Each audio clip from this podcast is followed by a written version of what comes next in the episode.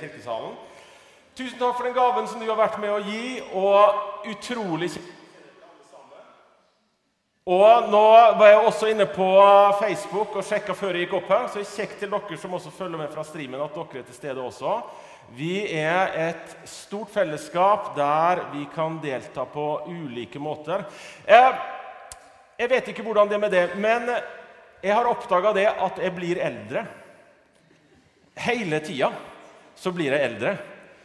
Og det kan være ganske frustrerende, fordi det er som om du nå har kommet i en alder der hvor skader du fikk i 20-årene, har kommet tilbake igjen. Som om de har ligget på vent og nå gjør seg gjeldende på nytt. Eller jeg merker det enkelte morgener når jeg står opp idet jeg setter beina på gulvet, så er det som om det er en akilles der som ikke er helt i samarbeid. Det er et sånt teamwork. Gutta jobber sammen her. Så, så, nå går jeg bare rundt og lurer på om det blir snart ekstremsport og skal gå i postkassa for å hente posten. Jeg vet rett og slett ikke. Kanskje du har det sånn, kanskje du ikke har det sånn. Men, men hvorfor starter vi her? Jo, fordi at livet er en prosess. Livet er en ferd fram imot noe, eller det er noe der framme som kommer imot oss. alt ettersom. Men det er i alle fall en prosess. Det skjer noe, det står ikke stille. Vi er i bevegelse hele tida. Og det som jeg skal snakke om i dag, det er det at du er skapt for å bli lik Kristus. Og det er en prosess, det også. Det er en ferd imot noe. Men når det er snakk om det å bli lik, da, så har vi jo lært det så, så, lenge som vi på en måte har gått på skole og, og levd, det er jo det at vi skal egentlig ikke prøve å bli like andre, vi skal bli like oss sjøl. Det har vi jo lært. Men før vi går dit, så har jeg gjort noe nytt i dag. Jeg vet ikke om dere ser at det står en e-postadresse på den første sliden her. Og Det er ikke fordi at jeg har tenkt dere skal skrive terningkast og sende de til meg etterpå. Men det kan jo være det at jeg sier noe i dag som du ikke forstår, eller som var helt ute på jordet, eller du sjøl har gjort deg en erfaring i forhold til din prosess i det å skulle bli lik Kristus som en kristen. Kanskje du ønsker å dele den, for jeg samler på historier. Jeg synes det er fascinerende å få høre. Så hvis du ønsker å gi en tilbakemelding på det, så noter deg gjerne den, og så kan du gjøre det. Ok.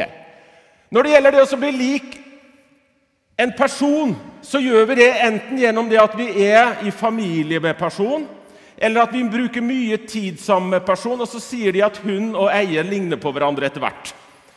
Så hvis du skulle lure her, så er da ikke ekteparet i midten.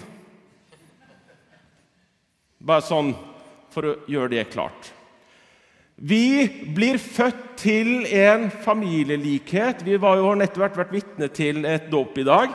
Femte mann i familien. Klart Han vil ha likheter med sine foreldre og med sine søsken. Altså likhet gjennom det at du er født inn i en familie. Men så, gjennom det at du bruker mye tid sammen med en annen person, så justerer vi oss i forhold til hverandre. Og så tar vi opp i oss ting som den andre gjør, og så vokser vi sammen, og så begynner vi å ligne på hverandre. Og I forhold til Jesus da, så er jo nettopp det det handler om at i forholdet til han, når vi tar imot troen på han, så blir vi født inn i hans familie. Så da er det ikke bare det at vi skal prøve å ligne på han, men vi blir også en del av hans familie. Vi blir født på ny, vi får noen likhetstrekk med han. Jeg vet ikke hvordan det er med det, men jeg ser jo det at som en sønn av en far, så, så, er det tydeligvis at noen ting plukker du opp i det fordi at eh, du har sett på far din og tenker at sånn har du lyst til å gjøre. Og så lurer jeg på om noen ting er genetisk. Jeg vet ikke. Men jeg tok meg sjøl i det her forleden, fordi at når min far er på besøk hos oss, så er det et, et låseregime av en annen verden på ytterdøra vår. Den, den er låst konstant. Og det er, jo, det er, jo, helt greit at den blir låst med jevne mellomrom. Det setter jeg for så vidt pris på. Men det er ikke så kjekt når du kommer etter Faderen, som da har gått inn, og som låser døra automatisk etter seg. Så der, der er det et regime av et sånt låsevelde uten like. Og så tok jeg meg sjøl i det her for noen uker siden da, at jeg jo, hadde begynt å låse den døra sjøl. Og så da måtte jeg liksom Hva er det her for noe? Du sitter jo ikke i ditt eget hus og er redd for at noen skal bryte seg inn. Jan Egil. Når du er ute på butikken og har glemt å låse døra, så går du ikke engstelig rundt på butikken og tenker at nå bryter noen seg inn. Eller de bryter seg ikke inn, døra er jo åpen, så de kan bare gå inn. Jeg gjør jo ikke det, så da måtte jeg gå i meg sjøl og tenke ok, hva er det her for noe? Det her må du slutte med. Så da har vi hatt noen uker nå hvor vi ikke skal drive og låse døra hele tida. Skal prøve å bryte med det. Men vi, vi tar opp i oss ting. Dere kjenner det her. Det er ikke noe nytt for oss. Men det som vi skal ta med oss her Jeg sa det at vi som er etterfølgere av Jesus Kristus, vi har fått en ny familie. Men så er jo du her i dag. Du er født, du eksisterer, og ut ifra mitt perspektiv som en etterfølger av Jesus Kristus, så er du skapt. Du har ikke blitt til ved en tilfeldighet, men du er skapt fordi vi kan lese i Bibelen at Gud skapte mennesket i sitt bilde. Til mann og kvinne skapte han dem. Så du er skapt, du er villa, du er ønska. Og det tenker jeg at kan være greit også bare ha med helt i starten her at det er mitt utgangspunkt. At du er en ønska skapning på to bein. Rett og slett. Du er villa av Gud. Er det noen som forresten vet hvorfor Gud skapte mannen før kvinna? Det er ingen som våger seg på noe sånn. Ingen respons her. Nei, Det var fordi at han ønska ikke så mange gode råd da han skulle gjøre det.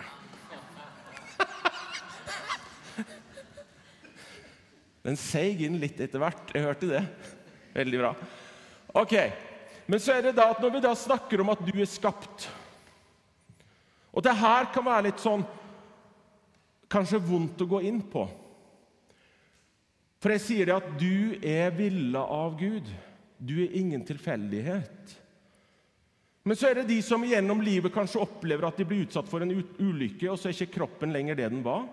Sånn som Anne her, som eh, opplevde å få en hjerneblødning for noen år tilbake. Og fikk noe som heter locked in syndrome. Og Nå er ikke jeg legen i salen her, det er det andre som er. Men det jeg har lest om den, er det, det er som om hele kroppen blir slått av. Du blir lam fra halsen og ned. Du kan ikke snakke, du kan ikke svelge. Men du er mentalt og kognitivt helt til stede. Altså, hun er sperra inne i sin egen kropp. Hun er der fortsatt, men kroppen samarbeider ikke. Den er ikke på lag. Hun kan ikke gjøre noe som helst. Hun kunne etter hvert le på et øyelokk, så de skjønte at her er hun faktisk hjemme. Og da er det sånn at Noen blir også født med slike utfordringer. Og så tenker en da er det her Guds vilje? At jeg skal ha det sånn gjennom livet mitt? Nei, det er ikke Guds plan at du skulle bli sånn. Nødvendigvis. Men du er allikevel villet av Gud fordi at du er mer enn den fysiske kroppen din. Når jeg kjenner det for min egen del, som har nå begge beina fortsatt intakt, og det, og kjenner at de gir meg noen utfordringer, så vet jeg også at jeg sjøl er mer enn den fysiske kroppen min. Og så kan vi alle av og til kjenne på at den fysiske kroppen vår også gir oss noen begrensninger. Men jeg har bare lyst til å si det. Du er mer enn den fysiske kroppen din. Du er den som Gud har skapt deg til å være, med de ekstra utfordringene som en har. Og så vet jeg at det her er ømtålig, det her slår utrolig feil ut. Men poenget mitt er det å prøve å formidle at den du er, den har Gud ønska at du skal være. Og så har dessverre synden, når den gjorde sitt inntog i verden, påvirka hele skaperverket. Så går ikke alt sånn som det var tenkt i utgangspunktet. Og så skal vi stå her og snakke om det å bli mer lik Kristus. Og som jeg sa her i stad, så har vi jo lært det at vi skal ikke prøve å ligne på andre. Vi skal finne oss sjøl, vi skal være den som vi er. Og dere har venner, dere er en personlighet sjøl, og vi vet jo det at mennesker er veldig forskjellige.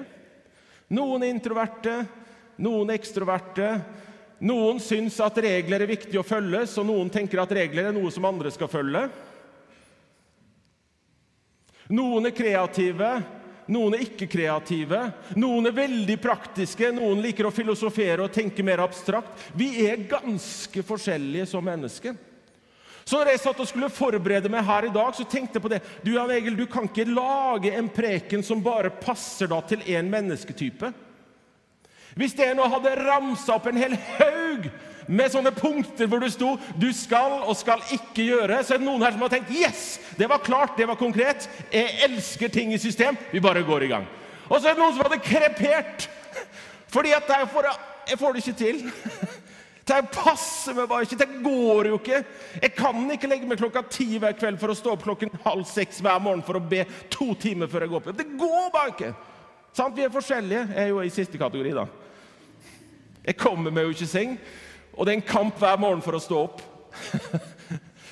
Det er ikke sånn 'Yes, en ny dag, på med kaffen, fram med morgenavisa'. Aldri! Det er liksom, Hvor kjapt kan jeg klare å komme i bilen for å rekke å komme til jobb tidsnok? Så vi er forskjellige som mennesker.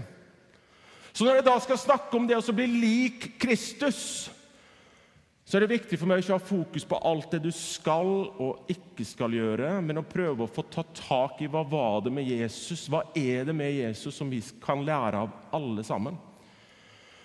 Og Grunnen til at jeg har to bilder her, da, det var litt for oss å bryte med til at vi skal ikke slåss for å bli lik Jesus sånn i fysikk og uttrykk. fordi at det bildet vi har av Jesus sånn tradisjonelt, det er en litt sånn middel vestlig mann, hvite mann med midtskill og skjegg. Men som kanskje mer så ut som den guiden jeg hadde, jødiske guiden jeg hadde når jeg var i Israel her for et par år tilbake. Så det er ikke det uttrykket vi er ute etter, men vi skal se på hva er det med Jesus som vi kan lære av, som vi kan ta til oss, som eh, vi kan sette ut i livet.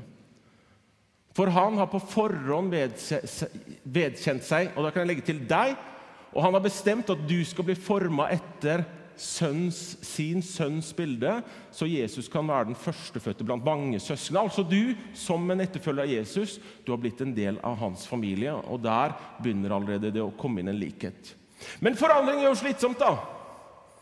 Jeg kom hjem forleden en tid tilbake, hvor fruen hadde tenkt nå skal vi forandre på stua. Og dessverre, altså, det er ikke jubel i mitt hjerte da. Men jeg setter veldig pris på det, for jeg syns at forandring skaper noe nytt. Og Av og til kan det være verdt å gjøre en forandring bare fordi at en forandring gjør noe med tanken din, og den fresher deg opp. ikke sant? Men forandring av oss sjøl kan også være slitsomt. Så hvordan kan jeg da bli lik Jesus hvis det handler om at jeg må forandre meg sjøl? Nei, det handler i utgangspunktet om at du har fått noe som skal være med å forandre deg.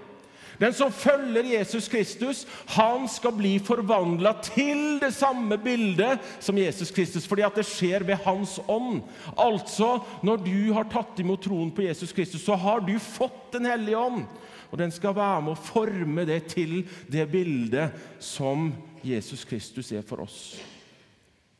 Så Det starter ikke med at du først og fremst skal ta deg sammen og bli enda flinkere og bli enda dyktigere. Det handler om at du har fått Den hellige ånd, og den skal gjøre sitt verk i ditt liv. Og Så står det videre i Filipperne for det er Gud som er virksom i oss. Vet ikke om du har tenkt på det? Det er av og til at jeg at jeg må på en måte ta meg sammen. Ikke ta meg sammen, det ble feil ord. Det er av og til at jeg glemmer ut at jeg faktisk tror på en virkelighet som jeg ikke kan kjenne og ta på. At jeg tror på noe som er bakom alt det som jeg ser, alt det fysiske her. Og Da er det av og til at det er godt å få en sånn reminder, en påminnelse på at det finnes noe mer. Det er noe mer. Og det er ikke bare slik at det er noe mer, men det er høyst reelt. Det har faktisk også flytta inn i mitt liv. Så Paulus skriver det. Det er Gud som er virksom i dere, så dere, så dere både vil og gjør det som er etter Guds gode vilje. Og hvis da det er sant, og det tror jeg på, så når det skjer, så blir jeg også i den prosessen der mer lik Kristus. Jeg blir lik Kristus, for jeg er skapt av Gud. Jeg er skapt til å bli lik Hans sønn Jesus Kristus. Fordi Jesus Kristus, når jeg har tatt imot troen på Han, han er min bror. Vi er av samme familie. Men kan jeg da gjøre noe sjøl? Jo da. Vi er jo skapt med en tanke, vi er skapt med en vilje. Vi kan si at ja, jeg forstår at det bør gjøre det, men jeg gjør det her allikevel. Du skal ut og kjøpe deg en ny bil, og så vet du det at det fornuftige er kanskje å kjøpe den der som er, som er slik og slik skrudd sammen. Men det er fort gjort at den allikevel følger hjertet, fordi at det er den vi har lyst på. Ikke sant? Så vi, vi har vilje til å velge. Og i prosessen her med det å bli da lik Jesus, så er vi en part oppi det hele, vi også.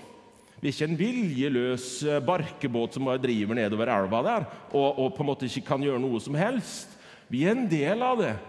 Og Derfor står det det også i Filipperne at vi skal jobbe på vår frelse,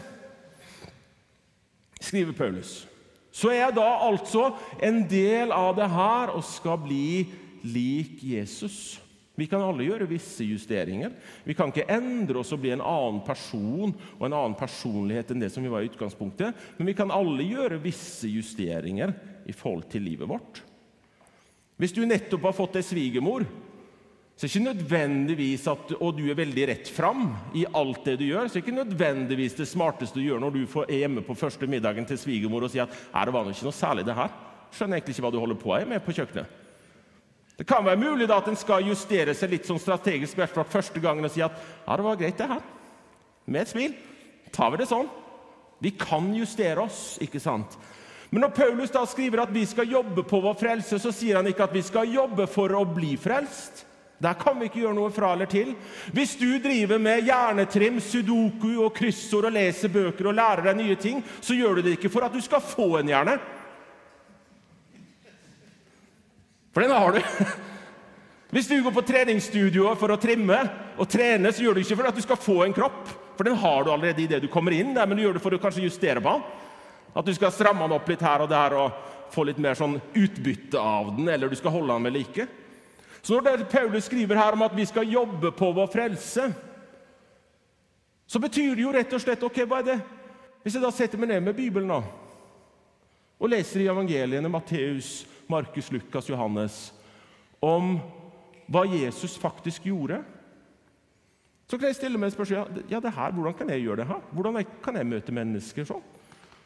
Kan jeg snakke til mennesker på den måten der?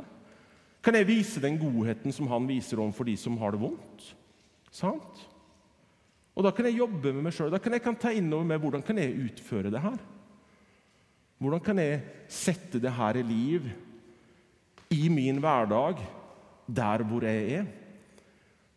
For det er ikke noe problem å være en kristen når du sitter her i kjerka på en gudstjeneste.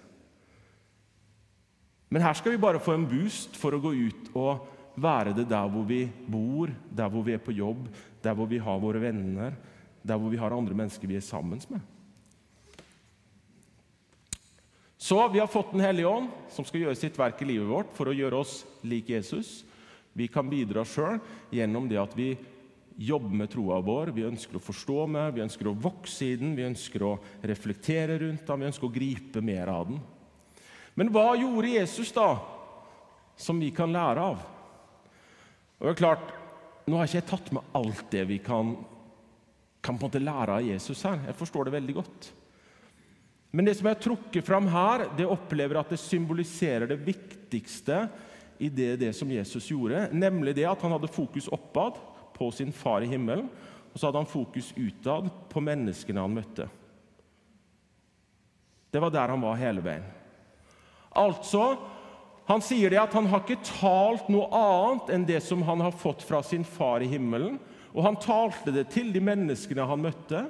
Og han sier det at han er veien, sannheten og livet. Altså, ingen kommer til Far i himmelen uten ved han, så han er da broa over den kløfta. Han er, er, det som gjør at mennesker kan gå fra det å ikke kjenne Gud, til å kjenne Gud. Han er overgangen. Og så er han kommet for å vise at synden er at mennesker ikke tror på han, og dermed igjen ikke tror på hans svar. Det går på en måte i den retningen der hele veien. Det handler om Gud, det handler om mennesker. Det handler om Gud, det handler om mennesker. Han kommer ikke først og fremst som en familierådgiver som skal fortelle oss hvordan vi skal få forelder-barn-relasjonen til å fungere. Han kom heller ikke først og fremst som en ekteskapsrådgiver og skal forklare at du må jo ikke si sånn til kona di eller kona nå må du høre på mannen din, han trenger litt fritid av og til. han. Nei, han var jo ikke der. Det er ikke der han var først og fremst. Det handler om relasjonen Gud-menneske, og at han er bindeleddet mellom der.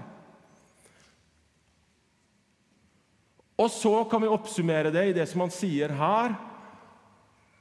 Altså relasjonen Gud-menneske. Han kommer for å forkynne et godt budskap for fattige. Han er sendt for å rope ut at fanger skal få frihet, at blinde skal få syn igjen, for å sette undertrykte fri og rope ut et nådens år ifra Herren. Betyr det at alle de som sitter i Sandeid fengsel, er uskyldige og skal da slippes ut? Nei, det er ikke det. Men det handler om at det er mange måter et menneske kan bli oppleves, som en fange. Selvfølgelig, Du har de som faktisk sitter i fengsel, som ikke skulle ha vært der, som er uskyldige. Men det er mange måter et menneske kan oppleve seg bundet på. Han kom for å bringe Guds nåde til verden, som skal sette mennesket fri fra synden og dødens lov. Og han gjør det av bare nåde. Du får det. Du blir gitt det. Du er ikke fortjent til det. Ingen av oss. Men han gir deg likevel fordi han elsker deg. Du er viktig, du. Derfor får du det. Og da sier han, Jesus Ok, den koblingen her mellom fokus på vår himmelske Far og mennesker, det fokuset der som Jesus hadde, det er vi kalt til å gjøre videre. I min prosess i forhold til det å bli lik Jesus fordi jeg er skapt av han, er skapt til å bli lik han, ja, så går jeg min prosess sammen med Den hellige ånd. Jeg gjør mine ting for å på en måte, Hvordan kan jeg bli mer lik det Jesus? Men så er jeg også da kalt til å stå nettopp i den krysningen her mellom Far, det budskapet som du har av frihet og frelse og nåde til menneskene, det ønsker jeg å være med å gi videre. For Jesus sier det at de som tror på han skal gjøre større gjerninger enn det som han gjorde. Og da bare for å ta den med en gang, da handler det ikke nødvendigvis om at du skal gå to ganger på vannet fordi at Jesus gikk én gang. Sant? Ikke lås det opp i at ja, det er kun de gjerningene her jeg kan finne i Bibelen, så det er kun de jeg kan gjøre mer av. Nei, det kan være helt andre ting. Det kan være det at du blir den neste som når bredt på Facebook og sosiale medier fordi at du finner en måte som gjør at du treffer mennesker der. Jesus hadde jo ikke sosiale medier og Facebook. Sant? Det kan være noe helt annet felt hvor du ser at der passer du så godt inn at du bare må følge det sporet for å gi videre det du har fått som en etterfølger av Jesus Kristus. For vi er kalt til å gi videre. Vi er et Guds barn. Vi skal ha barnekår hos Han. Og så skal vi få lov til å tjene Han gjennom å gi videre det som vi har fått, på våre ulike måter, med våre ulike personligheter. Med liksom den miksen av hvordan vi er skrudd sammen av våre foreldre og slektskap og familie, og at vi har fått Jesus Kristus inn i livet vårt, så skal vi få gi det her videre. Og så tenker du ja, men Jan Egil ah, jeg syns ikke barnearbeid er noe kjekt. Og tenåringsarbeid, da. Det er jo bare helt, Har du noen gang prøvd å snakke med en tenåring? Hvis Du er tenåringsfelle, du kan ikke slå opp med en tenåring. Kan liksom ikke, ofte, vet du hva, det her funker ikke. Du Kan ikke bare fortsette å være venner herfra? Selv om de er aldri så, ut, så krevende, så kan du jo ikke det. sant? Eller du kjenner på at Å, vaskeliste. Nå har det vært mast om vaskeliste så mye. Kanskje burde gjort det. Ja, off, nei, jeg får helt makk i magen. Det kan jo være det at du kjenner på noe sånt i forhold til eksisterende tjenester, og så opplever du at du passer jo ikke inn. fordi at du liksom, Den formen som er definert, at en ungdomsleder må være fresh og utafor seg sjøl og ekstremt ekstrovert og liksom bare elske å prate med folk, og bare praten går, samme hvem, og så kjenner du at Uff, er ikke den personen. Og så er det mye som det blir snakk om at det her er kjempeviktig at vi gjør, og at det her bare må vi gjøre. Men som jeg sa, våg sjøl også stille det spørsmålet Er det det at jeg ikke ønsker det her fordi at jeg ikke gidder? Og Hvis du ikke gidder, så kan du gå en ekstra runde med deg sjøl og utfordre deg sjøl på det. Men hvis du kjenner på at det er noe annet som brenner i ditt hjerte, så ikke grav det ned fordi at det ikke passer til på en måte de tjenesteområdene som vi har som menighet i dag. Men kom heller med det. Se, hvordan kan, hvordan kan, du bli da en foregangskvinne eller mann i nettopp det, og som drar andre med det? For det er det som brenner på innsida. Det er det som liksom tenner gnisten, som gjør at wow! Jeg våkner om morgenen bare kjenner yes, energi, ny dag. Jeg kan fortsette med det her. Våg å utfordre deg sjøl på det. Og ikke lås deg i på en måte rammene som er lagt. For du er skapt av Gud. Du er skapt til å bli lik Jesus Kristus. Og han har lagt en tjeneste ned i livet ditt som du skal få utføre slik som du er satt sammen. Og Når det gjelder da det å være i tjeneste for Jesus, så handler jo nettopp om en vei. da. Og det er ting som kan ta fokuset vårt. Og det er ting som kan oppta oppmerksomheten vår. Og vi skal, Før jeg kommer med sluttpoenget her, så skal vi få lytte til en sang. For igjen, vi er jo forskjellige. Jeg vet det at etter noen timer etter den gudstjenesten her, så har dere glemt 90% av det som jeg har sagt. Og Det er jo ikke alltid like sånn oppløftende. Yes! Vi bruker tid på det her. Og Så spør jeg dere i morgen, og så er det sånn ah, Hva snakka du egentlig om? Men så vet jeg at sang og musikk også kan trenge inn og gi på en måte noen knagger å henge det vi har sagt på. Vær så god.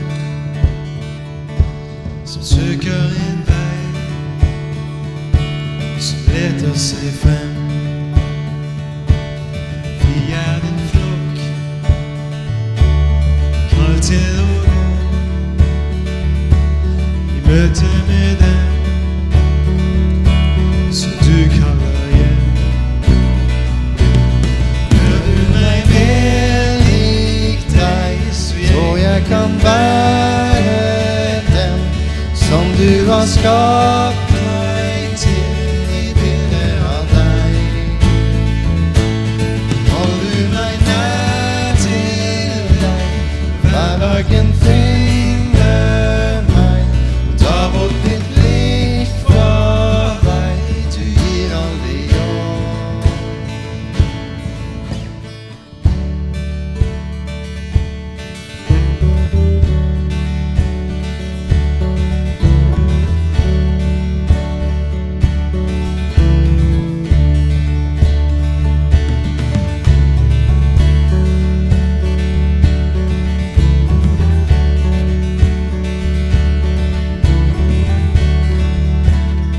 Hele sangen en gang til. Bli, gjerne med og syng. Du som sa kom.